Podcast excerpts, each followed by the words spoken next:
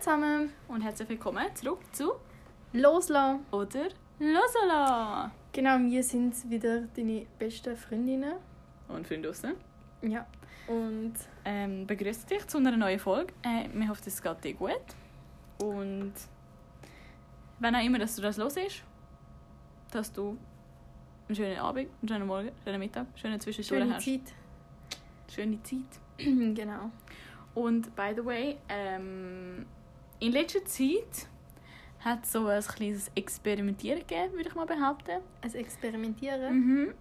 In Bezug auf Intro und Outro. Ja. äh, Ist jemandem aufgefallen? Ja. Ähm, ja, nein. mir das irgendwie nie angesprochen oder so. Äh, weil das passiert natürlich immer nach dem Schneiden und nicht vorher und so. Aber Ahnung, es gibt so ein gewisses Unzufriedensein, habe ich das Gefühl. Also Mhm. vor allem von meiner Seite, für die, von dir vielleicht auch. Ja, es ist so ein bisschen Selbstfindungsprozess. Ja, als schön. Wir haben, also, ich glaube, wir brauchen einfach so ein bisschen Zeit und schauen so ein bisschen, schauen, was uns am besten gefällt. Ich und so. weißt du, was habe ich das Gefühl? Ich habe das Gefühl, wir werden eh erst zufrieden sein, wenn wir mal etwas Eigenes machen. ja, das aber Gefühl- weißt du, für das etwas Eigenes bin ich so, ja, Zu faul haben. ja. Aber Ja. auch zu wenig Ideen. Also ich wüsste auch gar nicht was. Ja. Genau, das müssen wir noch ein bisschen herausfinden. Da sind wir da am Experimentieren und äh, du bist einfach so ein bisschen Versuchskaninchen. Genau, willkommen in deinem Without Cake. any harm, oder? Aha, dann nicht im Cake. Ja, frei auf der Wiese am rumhoppeln. ähm, Das wollte ich einfach als Anmerkung noch machen, Ja. oder? Äh, nicht, dass ihr verwirrt sind, das ist immer noch der gleiche Podcast. sonst noch etwas anmerken, dann sind wir fertig an diesem Punkt. Nein, wir sind fertig mit dem Punkt. Fertig. Mhm. Also bis zum nächsten Mal. Bis zum Nein. Äh, nein, bis zum nächsten Punkt. Und zwar, ähm, in letzter Zeit, das fange ich nämlich an, aber in letzter Zeit finde ich, es schmeckt so fest nach Winter. So der Herbstduft ist einfach so weg und es schmeckt einfach nach Winter. So, du hast die eisig kalte Luft. Ja. Du bist so draußen, also es schmeckt, es schmeckt einfach nach Winter, so halb nach Schnee. Ja, und vor, was auch einfach krass ist, irgendwie, der Herbst hat nicht so richtig existiert. Weil Ich habe auch das zuerst war es mega warm gewesen, Ja, und dann ist es mega kalt geworden und mega... Also die, die, äh, die letzte Woche, also in der letzten Woche hat es mega viel geregnet, oder? Ist das letzte Woche gewesen? jetzt geregnet. Ja. Ah ja. Ja, das ist Und- und, geregnet. Ähm, mir ist aufgefallen, ich fahre immer mit dem Velo am Bahnhof. Ey, meine Hände sind knallrot und Mhm. wirklich so, ich habe nichts mehr gespürt, als ich am Bahnhof angekommen bin. Dann habe ich gedacht, what the fuck, weil ich kann eigentlich einfach wollen, weißt ich wollte so schön, ich habe mir so meine Trenchcoats da und ich so die ganze Zeit anziehen und so. Mhm. Ich habe gedacht, das ist so ein richtig schönes Herbstoutfit, ich kann sie so offen haben und ich fühle mich powerful. Äh, jo, die sind einfach schon halb wieder zu kalt. Mhm. Und ich muss Ich einfach bin- in einer ich ich fetten halt Winterjacke auch so- rumlaufen. Ich habe so das Gefühl, der Sommer hat so mäßig existiert, so, so schon ein bisschen. Schon ein bisschen grusiges Wetter gewesen, so in der Sommerferien gerade irgendwie. Aber der Herbst war ja mal zack vorbei. Gewesen. Mhm. Ich habe so nichts. Fühle ich Geschafft. nicht, muss ich ganz ehrlich sagen, fühle ich nicht, weil es hat mich nicht genug mit äh, Glücklichkeit und mit Energie und alles Mhm. gefüllt für die, für die dunkle Zeit. Ja, ja. Hat es nicht. Das ist irgendwie, da muss ich jetzt, keine Ahnung, einen Kurztrip auf Malediven oder so machen, um das wieder reinzubekommen. Wärst du so eine? Nein, bist safe so eine? nicht. What the fuck? Nein. Es gibt ja mega viele Leute, die so das Gefühl ja, keine Ahnung, Weihnachten da finde ich scheiße, ich gehe irgendwie auf. Nein, ich bin Mallorca, der grösste, äh, ich bin die grösste äh, Weihnachten-Liebhaberin. Ich, also es kackt mich ein bisschen an, wie es jetzt ist. Mhm. Weil ich habe irgendwie so eine Erinnerung, als ich, also, als ich kleiner war, da ist, hat eigentlich immer Schnee gehabt. Mhm.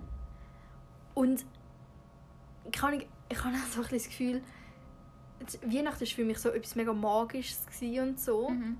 So mega, kann ich, ich bin so oft, ich bin so rausgegangen, es hat so mega hohen Schnee gehabt, ich bin so durch den Schnee gelaufen. Und habe bei jedem Schritt so gelost, weißt du, wie so mega, Ja, man ja, hört so ja. Und es wird, alle Lärm wird wie so einfach erstickt vom Schnee. Also erstickt ist ein bisschen negativ, aber so wird so Dämpft. gedämpft vom Schnee und es ist mega peaceful und es ist alles einfach schön und Mhm. alles gut und dann und so und jetzt bin ich halt irgendwie auch so die ganzen Feierlichkeiten an Weihnachten haben sich halt verändert Mhm. und dadurch, dass ich jetzt nicht gerade sage, uh, Materialismus, let's go, Mhm. ist halt auch das mit den Geschenken immer so das Thema und das war halt schon irgendwie auch ein grosser Part von Weihnachten. So, das Geschenk posten, das Geschenk bekommen, kann ich nachher Danke sagen, immer so für die Geschenke, alle so Kärtchen Mhm. und so schreiben. Das habe ich jetzt halt irgendwie nicht mehr.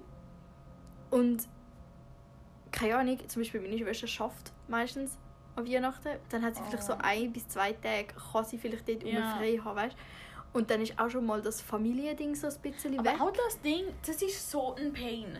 Wer hat das eingeführt? Ja, An Weihnachten arbeiten? ja ist, es kommt, ja, bist einfach Wieso ist das nicht so stillgelegt wie am Sonntag? Also weißt, am Nein, Sonntag ist sogar es- mehr zu ja. als an Weihnachten. Ja, aber weil es halt einfach Leute gibt, die sagen, «Hm, ich will an Weihnachten irgendwo in ein Hotel und will mich bedienen lassen. Oder, keine Ahnung, ich brauche irgendwie den Skilift. Oder, weißt du, einfach irgendwie so Sachen. Das ist mega schade, weil dann kommen halt immer die einen mega drunter. Mhm. Und ja, ich finde irgendwie auch Weihnachten, also ich habe so das Gefühl, wenn sich mega vom eigentlichen Weihnachten entfernt, weißt du, weil es geht eigentlich einfach um den Konsum Mhm. und nicht irgendwie darum, kann ich, ich, ich finde es ist eigentlich so eine schöne Zeit. Ich meine, ich habe den grössten Fetisch auf Weihnachtslieder und ich bin so proud of mich. Ich höre immer noch keine Weihnachtslieder, weil ich so bin, ich will, dass sie wirklich special sind Mhm. im Dezember, wenn ich dann anfange. Und ich habe keine Krittibanzen bis jetzt. Bin ich auch sehr stolz auf mich, weil das ist so ein richtig verlockender Pausensnack eigentlich. Mhm. Bei mir nicht. Ja, schade. Wirklich schade. Nein, aber bei mir so, bei mir in der Familie gibt es nur Gritte-Bands am 6. Dezember. Vorher nicht Nein. und nachher eigentlich auch nicht. Also, wir machen es halt, ja okay, schon mal. So selber machen tun wir es sonst auch nicht mehr. Mhm. Ähm, also es so wie so, zum Beispiel an Ostern, macht eigentlich immer meine Mutter so, ähm, sind so Zopfnäschli. Mhm. Und also ich esse keine Eier mehr, aber ähm, wir haben früher immer so Eier in der Mitte da. Also es tut immer noch, aber ich, ja. Und dann halt so, da, dann nimmst du das so raus, und dann du es und nachher isst es halt auch mit dem Zopfbrot, weißt du, was so rundum ist und so. Und da, eben so, so wie das, so ein das Ritual haben wir auch bei den Gerätebenzen gehabt. Mhm. Und ja, wieso, also keine Ahnung, wieso solltest du irgendwie die, den ganzen äh, Dezember Gerätebenzen backen oder so, ist ja mega der Pain. Aber kaufen tust du es halt eher, weil das musst du ja nicht machen. Hm, ja, musst nur bezahlen. Nein, und ja, Ja, ich habe den Vorteil, dass sie nicht vegan sind. ja, wie man es nimmt, ja. Oder? Nein, keine Ahnung, ich weiß auch nicht. Und Dings, Gutzli backen ist auch so ein riesen Ding. Mhm. Das ist, so, das ist gefühlt das Einzige, was sich bis jetzt nicht verändert hat. Dass ich immer noch, weißt, immer so ein bisschen die gleichen Gutzli backen und so Sachen. Aber sonst ist irgendwie Weihnachten so etwas anderes jetzt, als es früher war. Mhm. Ich mag mich voll nicht daran erinnern, wie es früher war. Ah. Null. Okay, bei uns war crazy. Gewesen. Also, wir haben so einen, immer so einen riesen Baum aus dem Garten halt, also Mhm. uns gegönnt. Und dann so richtig krass geschmückt und so. Und so eine Krippe, so Mhm. aus Holzfigürchen und so. Und dann immer am 24.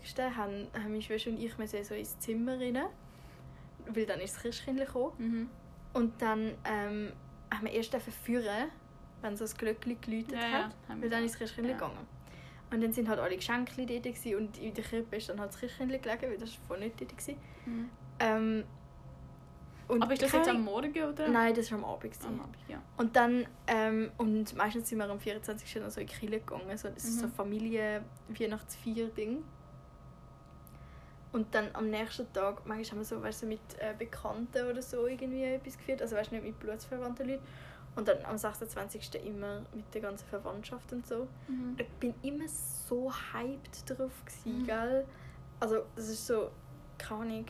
Und ich bin auch, egal wie klein ich war, und ich meine absolut keinen Cash gehabt und so, also Mhm. wieso auch, ich habe immer allen irgendetwas zusammengetrieben, Das frage ich so mich richtig auch, das? Nein, ich habe so richtig lustige Geschenke gehabt. Mhm. Ich bin so gefühlt, ein paar Wochen vor Weihnachten bin ich einfach eine Kiste genommen, bin so ins Haus gelaufen. nein, was könnte ich machen? Also weißt du, ich einfach so klein war und allen etwas wollte schenken, Ja. aber nichts habe. So basically. Mhm, das ist Ähm, aber herzig. Ja, das war echt lustig. Nein, kann ich bei, ihr, bei uns ist es irgendwie... Ich bin die Einzige, die wirklich so mega äh, weihnachtsbegeistert ist. Dafür halt so extrem, Ja. kann man sagen. Ähm, und der Rest ist, dann ist es halt wie egal. So, der Baum muss nicht geschmückt sein und weißt, es muss überhaupt nichts sein und das darf auch gar nicht sein. Und wir so, da wird alles stopp. Das Einzige, was meine Eltern, obwohl meine Eltern sind schon auch so Weihnachten, und was sie, wenn dann jeden Abend aus dem Baum steht, dann halt immer recht lang. Mhm. Und irgendwie, solange der Baum steht, wenn sie gefühlt jeden Abend die Kerzen anzünden. Ja, Und dann alle um den Baum sitzen Ja, und ich bin so, hey, das, das macht mein Papi eben auch. Und dann hat er so das Gefühl, ja, kann ich, wir tun dann immer so 10 Minuten den Baum anschauen und uns irgendwie besinnlich Bro, die, fühlen. die, die, die, die Kerzen brennen länger bei uns als 10 Minuten. ja, nein, nein, Nicht nein, warten, nein, bis die dann drinnen sind, weißt Ja, nein, bei uns ist so 10 Minuten warten und dann wird geredet. Aha. Aber, oh, gell, Aber die ersten 10 Minuten war immer so ruhig, gewesen, so und jetzt, äh, ich weiß wirklich, gell, das passiert einfach so. Mein Papi ist auch so, er tut Geschenke unter den Baum, meine Schwester, meine Mami und ich, wir sind im Zimmer, uns am Verstecken. Und dann läutet es, Glöckchen. machen die das immer noch? Ja, Ah, crazy. tatsächlich. Mega cool, ja. Ich finde es ich nicht, ich find's find's eben nicht so irgendwie- eine geile Tradition. irgendwie, irgendwie finde ich, kann ich, ich habe viel zu wenig von dem beibehalten. Das Einzige, eben, was wir beibehalten haben, wir, wir singen halt immer, bevor wir Geschenke aufmachen. Und das ist jetzt etwas, was ich awkward finde. Weil wir sind vier Leute Ja. und wir sind einfach so. Und alle sitzen irgendwie so auf einem. Sessel oder so einer Couch. Und Mhm. niemand hat, also außer meine Eltern haben richtig Bock. Mhm. Ich bin froh, dass ich ein Instrument spiele, weil dann schnappe ich mir einfach mein Instrument. Dann muss ich immer... Also weil ich singe schon gerne und so, aber ich finde es einfach irgendwie ein weirde Ding, das Mhm. vierte Singen. Und vor allem, was machst, du während dem, was machst du während dem Singen? Kätzchen anschauen oder was? Ja. Nein, das ist so. Nein, bei uns eben. Dann läutet das Glöckchen, dann ist der Baum angezündet. Dann sitzen wir dann so dort. Es Der Baum so... ist angezündet. Ja. Es gibt bei uns im Fall jedes Jahr Witz. Immer, wir sagen immer so, halt, wir sagen eigentlich, die Kerzen laufen lassen. Mhm. Dann sagt immer meine Mutter so, ja, lassen wir noch den Baum laufen. Und ich finde es halt mega lustig. Oder so, tun wir noch den Baum anzünden. Ja, auf jeden Fall. Lass echt mal den Baum anzünden. Ja, Mann. High five. Fistbump, was auch immer. Wir machen äh, Waldbrand. Ja. Ähm, auf jeden Fall läuft dann so Weihnachtsmusik im Hintergrund. Ah, wirklich? Das Mhm. jetzt nie. Doch, schwedische Weihnachtsmusik. Geil. Und dann sitzen wir dann so 10, dort so 10 Minuten lang. Gell? Ich bin so, okay, was machen wir? Dann bin ich so irgendetwas am Denken. Meistens bin ich gar nicht am Denken. So, keine Ahnung, okay, scheiße, in zwei Wochen ist wieder Schule. Ah. Und dann irgendwas. Aber ich weiß halt nie, was ich sollte denken. Und ich weiß auch nie, was die anderen denken. Mir hat niemand gesagt, so, was ich sollte denken. So, ja, keine Ahnung, du jetzt auch mal dankbar sein oder whatever. Ist so, keine Ahnung, nichts. Ja. Und dann, mein Papi beharrt immer noch auf das Ding, dass wir äh, die Weihnachtsgeschichte vorlesen. Oh shit, das, das hat es bei uns nur bei den Verwandten Dings Ding gegeben. Das hat meine bin ich so, Großmutter mm, gemacht. das brauche ich nicht. Nein, vor allem, es, weißt du, ich meine, es ist ja jedes Jahr das Gleiche. ist Also schon klar. langsam, langsam weiss ich, was Es, geht, es fängt doch irgendwie so von langer, langer Zeit in Bethlehem. Und ich bin so, ja komm, da hast du mich schon lange verloren. Schön. Nein, aber ich bin so, mm, den brauche ich wirklich nicht. So. Wirklich nicht. Bei ihnen, ja. Ich bin nein. aber so mega, ja, ich bin halt mega unzufrieden mit den Traditionen, Okay. Die wir haben in der Ja, Familie. Ich find das auch und ich will jetzt eine neue Tradition machen. Fistbump. mhm. Ey, ich habe eine richtig gute Idee. Ja. Also ich weiss, meine ganze Familie würde sich wahrscheinlich im Grab, sie sind nicht im Grab, aber sie würden sich umdrehen, wenn sie das könnten. Ey, lass einfach, also irgendwie so, ich weiß auch nicht genau, aber am 24. so alle zusammen was richtig geiles kochen zuerst Mhm. mal. So richtig, weißt du, so fünf Gänge Menü Ja, mit dem so. haben wir jetzt angefangen. Seit, seitdem meine Ich Schwester und ich vegan sind, sind wir halt nicht mehr am Weihnachtsschinken essen, sondern... Äh, Weihnachtstofu. nein, aber wir sind äh, ein bisschen am Rumexperimentieren. Das finde ich mega nice. Ich stehe so wirklich den ganzen Tag in der Küche und fühle es. Bei uns gibt es halt, an Weihnachten gibt es oft so Herdäpfelgratin mit so Erbsen und Rüebli oder was gibt's? Ah, so Shepherd's Pie mäßig. Nein. Okay. nicht, nicht so ein Ding. Aber auf jeden Fall. Also was Geiles kochen. Ja. Und dann einfach so, können, können so ein alle ein bisschen chillen. Man, man kann so ein bisschen aufräumen und so ein bisschen Musik hören und so, weißt Mhm. Und dann können wir alle einfach zusammen irgendeinen geilen Weihnachtsfilm schauen oder Das irgendetwas, würde ich eben auch wo einem dann so richtig in die, in die Weihnachtsstimmung versetzt und nicht so wie beim Singen einfach awkward sitzt, steht so mm, mm, mm. und dann dann schaust du einen Weihnachtsfilm, dann bist du richtig im Mood Mhm. und dann tust du irgendwie Geschenke auspacken und oh, kann ich, ich habe immer das Gefühl, man darf nicht so, weißt, ich habe dann immer so mega Pressure, dass es jetzt mega so speziell muss sein und so. Dabei eigentlich alles, was muss sein, ist einfach, es sollte kein Beef geben und es sollte, der Baum nicht- sollte nicht anfangen zu brennen, weißt du, so. Ja. Und dann einfach irgendwie so Film schauen, dann kannst du noch, was auch geil ist, wenn es halt Schnee hat und da, da fangen wir schon beim nächsten Punkt an, ich kann nicht, ohne Schnee läuft bei mir einfach nicht. Mhm. Und dann willst du so einen Schneespaziergang oder so noch machen. Oder so, weißt du, wir haben so, weißt, du, so, so einen Feuerkorb oder so. Mhm. Da kannst du den so rausstellen in den Schnee. Dann machst du so einen Glüh... Oh, geil, ich freue mich so richtig auf Glühwein. ähm, dann machst du so einen Glühwein, sippst das so und chillst einfach. Und weißt du, keine Ahnung, ja, das, ich, ich brauche ich, gell, ich brauch das irgendwie. Mami, falls du das hörst, help me. Ich brauche wieder, ich brauch wieder Make Weihnachten. Christmas great again. Ja. Nein, ich finde eben auch. Also, wenn ich würde können, dürfen entscheiden, was wir an Weihnachten machen, dann wäre es so, erstmal ausschlafen. Gell? Mein Papi der pennt bis um halb acht, acht. Ja, also das ist mir eigentlich egal, wie lange ich schlafe. Nein, ich bin ich- eh früh aufsteherin eher. Ja, aber ich werde geweckt ab dem. Aha, Und ja. dann habe ich nicht meinen natürlichen Schlaf, sondern meinen aufgeweckten Schlaf. hast du keinen Biorhythmus mehr. Ja, schön. Aber das, ja, auf jeden Fall, ich würde gerne ausschlafen können. Danke. Dann Milchreis, das machen wir immer. Es gibt immer Milchreis zum Morgen. Ähm, und dann erstmal einen Weihnachtsschirm das muss reinfassen. ich mir merken. Mhm. Das willst du machen, Ja. oder das machen? Nein, das, will willst ich du. machen. Also Milchreis will ich immer noch machen und dann neu ähm, Film schauen. Kannst du eigentlich einfach so, weißt du, so Friends, kannst auch einfach alle die Folgen schauen, die sie Weihnachten feiern. Aber sowas von. Du kannst wirklich kannst literally alles schauen. ja, und das ist einfach, dass du den. Vibe hast und dass Mhm. ze- ich, ich schaue generell nie mit meiner Familie Film. Ja, sehr. Nie. Mhm. Ich habe jetzt mega sad, ich habe letzte Woche gerade mit meiner Mami wieder so einen Film geschaut. Das ist irgendwie 10 Jahre her, wo wir das letzte Mal gemacht haben. Das ist mega krass. Das Ding ist, ich meine, am Wochenende bin ich jetzt nicht so der Mensch, der sagt, oh, ich sitze jetzt mal zwei Stunden an und schaue einen Film irgendwie so am Abend oder so. Das ist mir dann ein bisschen, auch ein bisschen zu lame irgendwie. Ja, mir nicht. Und Das ist literally das, was ich das Wochenende mit Mami gemacht habe. ja, man kann es ja schon mal machen, aber nicht so, weißt du, und, und Nein, irgendwie das sonst unter der Woche keine, keine Kapazität. Wo hast du gesagt, gib mir Kapazität und ich mache es schon, weißt du? Mhm. Ich meine, aber, äh, also, keine Ahnung. Eben, aber das würde ich gerne machen. Und dann würde ich wahrscheinlich gerne... Ich würde mega gerne meine Freunde sehen an Weihnachten. Oder... Alter, können wir bitte mal zusammen Weihnachten feiern? Also nicht am 24. oder so, aber vielleicht so am 25. Äh, Oder auch, kann ich... Habe irgendwie so das Gefühl, weißt die Leute, mit denen man ja befreundet ist, das sind ja die, die man sich selber raussucht, weißt Mhm. Und Und die Familie ist halt einfach schon da. ja, also nein, nicht, jetzt nicht, ich, ich finde, bei der Familie habe ich nicht so das Problem damit, ich habe eher bei den Verwandten das Problem Ja, ja. damit. Weißt du, was ich meine? Weil irgendwie ist man Familie, aber irgendwie ist auch einfach alles, was einem verbindet, der eventuelle gleiche Nachname. Ja. Und man trifft sich occasionally, um irgendetwas zu machen, weißt Und das sind nicht unbedingt die Leute, mit denen ich mit Weihnachten verbringen will. Eigentlich will ich eben, dass Weihnachten so mega schön ist und dass ich mich mega wohlig Mhm. fühle und dass alles einfach cozy mosey ist. Und das ist es eben eher, Mhm. Mit auch, gerade mit, ja, hast. auch gerade mit Leuten, wo ich dann nicht irgendwie, kennst du das, wenn du mit so Leuten bist, du kannst gar nicht so richtig du selber sein, nicht weil sie irgendwie keine toxisch sind oder so, einfach weil du nicht so auf so einer äh, Ebene bist, Ja. wo du einfach irgendwie, keine lachst wie so ein crazy man oder wo du irgendwie, keine Ahnung, einfach so, weißt Mhm. wo du dann die ganze Zeit so musst so gerade sitzen oder so. Ja. Das will ich mal einfach nicht.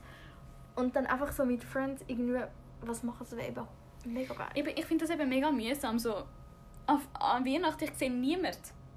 Außer meine Familie. Ja. Aber die ganze Ferien durch. Das nervt mich.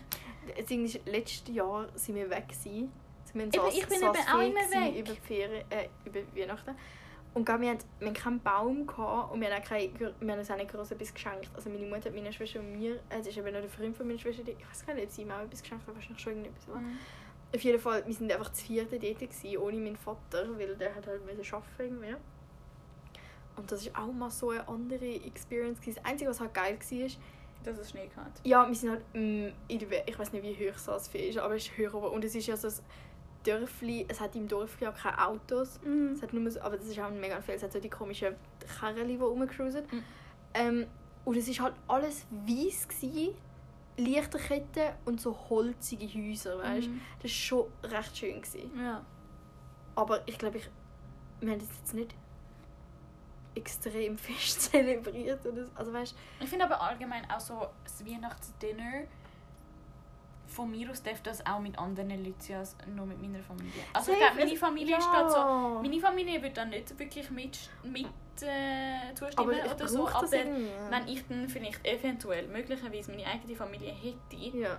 Mit, ich würde das im Fall dann würde ich das nicht- safe machen. Ich würde ich würd irgendwie so, weißt du, so vielleicht meine Schwester, wenn sie und Familie und so, also wenn sie Familie hat und dann halt noch so einfach so enge Freundinnen Ja. von mir, mit ihren, kann ich, hoffentlich keine Kinder, nein, Spaß, ähm, mit ihren Anhängseln Ja. und so. Einfach so.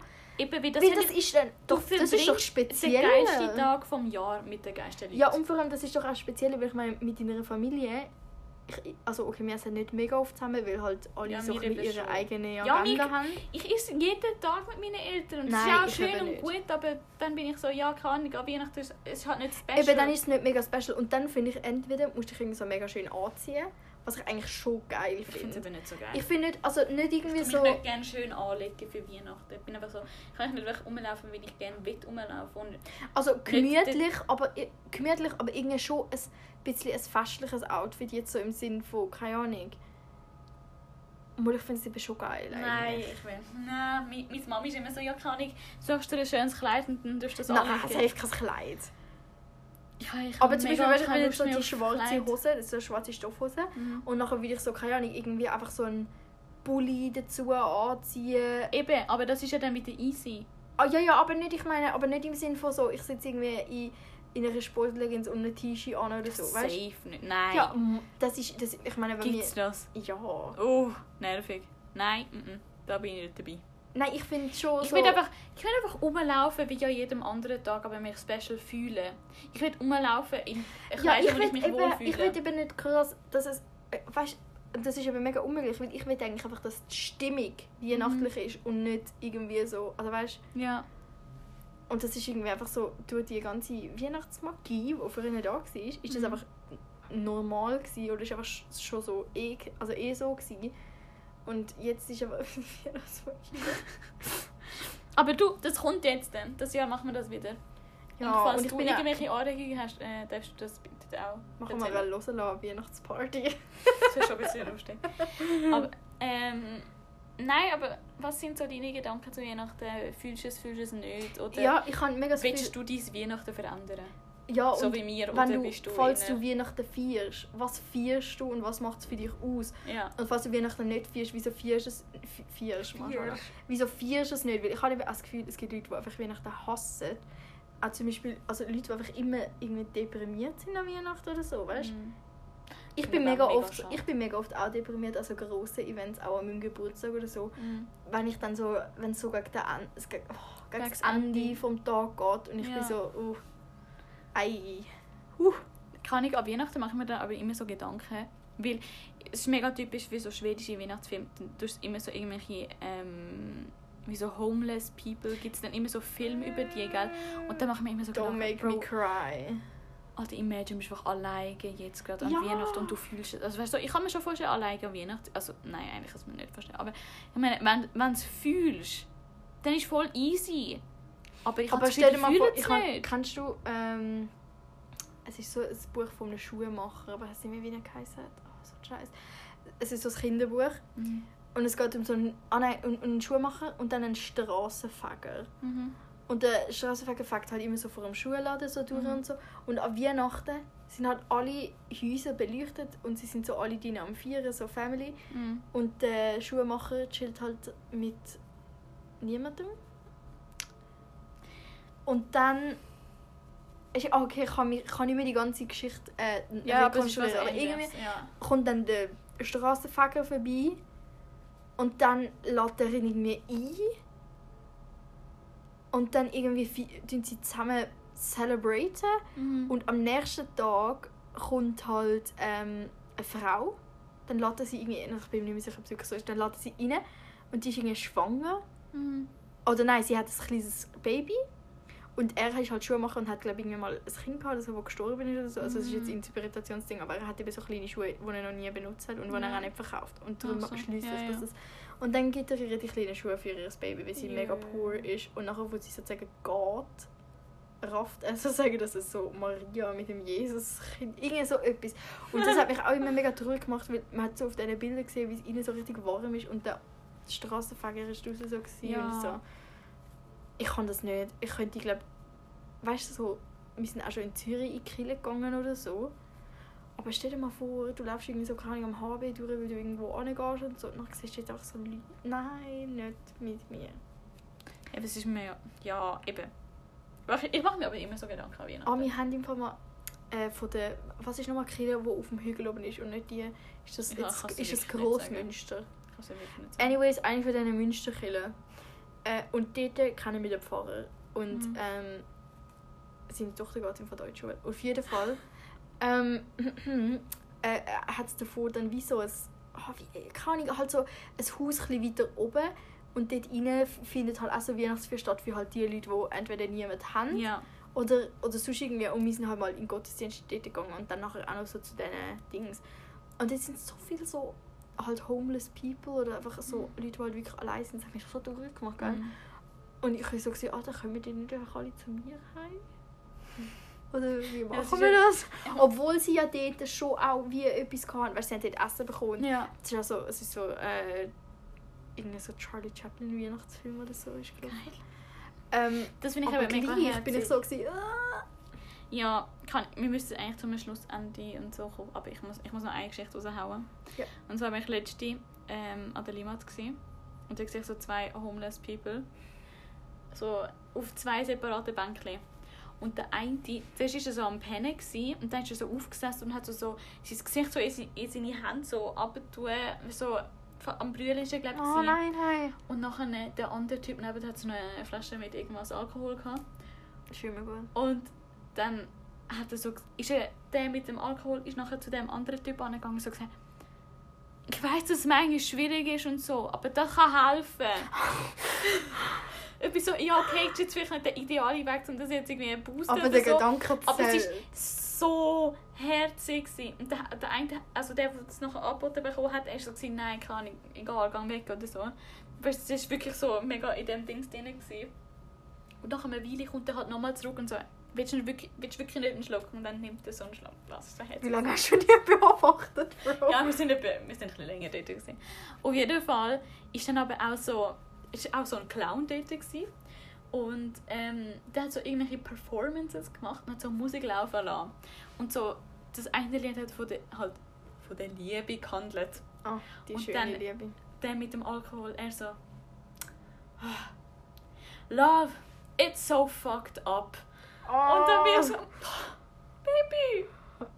So. Der- ah, Ach, so ein herziger Typ. Und wir so, nein, wenn dir das Herz gebrochen wurde, nein. So nicht verdient, so nicht verdient. So ein Oh Herz, wirklich so. Die, die beiden, die haben einfach das Herz äh, erwärmt. Ja. Ja, das war so eine kleine obdachlose Story. Gewesen. Mega süß. Aber ja, auf jeden Fall. Jetzt move on. Wir sind ja privilegierte Ja, kleine stimmt. Kinder. Sag das nicht. Ja, Ja. Wir müssen, bewusst- uns bewusst Ja. äh, haben. Okay, dann wir jetzt ähm, da nachher den Podcast fertig haben, können wir uns mit dem beschäftigen, oder? Mit was? Aber ja, mit dem, dass wir privilegiert sind. Aha, ja. Ähm, und sonst wünsche ich dir eine ganz schöne Woche, einen ganz schönen Tag. Eine gesegnete Zeit. Und eben, falls dir irgendwas einfällt zum Thema Weihnachten oder Unsere so. DMs sind sperrangelweit offen. Aber richtig weit offen. Wir können, wir können eigentlich auch so einen Frage, Frage, Frage-Sticker machen. Ich habe das immer noch nicht gecheckt, aber ja, machen wir. Es er wird einen Fragesticker haben. Ich finde das ganz einfach. Ja, unsere Insta-Story. Aha, in der Ja. Insta-Story kriegt man das auf Spotify. Okay. Ah, ja, das wollte ich noch sagen. Auf Spotify, we- wenn du das auf Spotify hörst, gibt es die neue Funktion, ähm, wo du auf die Folge klickst und dann hat es so die Info, oder? Unser Text, den wir da philosophisch immer zusammendichten. Und nachher unten dran kann man neuerdings so eine Frage anschreiben. Ist die öffentlich zu sehen dann? Oder wie Die Antwort das? ist nicht öffentlich zu sehen. Ah, Die sehen nur wir. Okay. Aber ähm, die Frage ist natürlich für alle Okay. zum Anschauen. Super, super. Das ist doch Hammer. Das heisst, falls du Fall- mal Lust hast, kannst du auch auf Spotify antworten. Ich, wir, wir, ich, wir schauen nochmal für die Folge, Ja. ähm, wie das nachher aussieht. Und dann sonst auf Insta. Ja, Also? das ist super. Also, hab's gut, hä? Ganz viele Sonnenschein an dich. Ja. Also, tschüss. Ciao!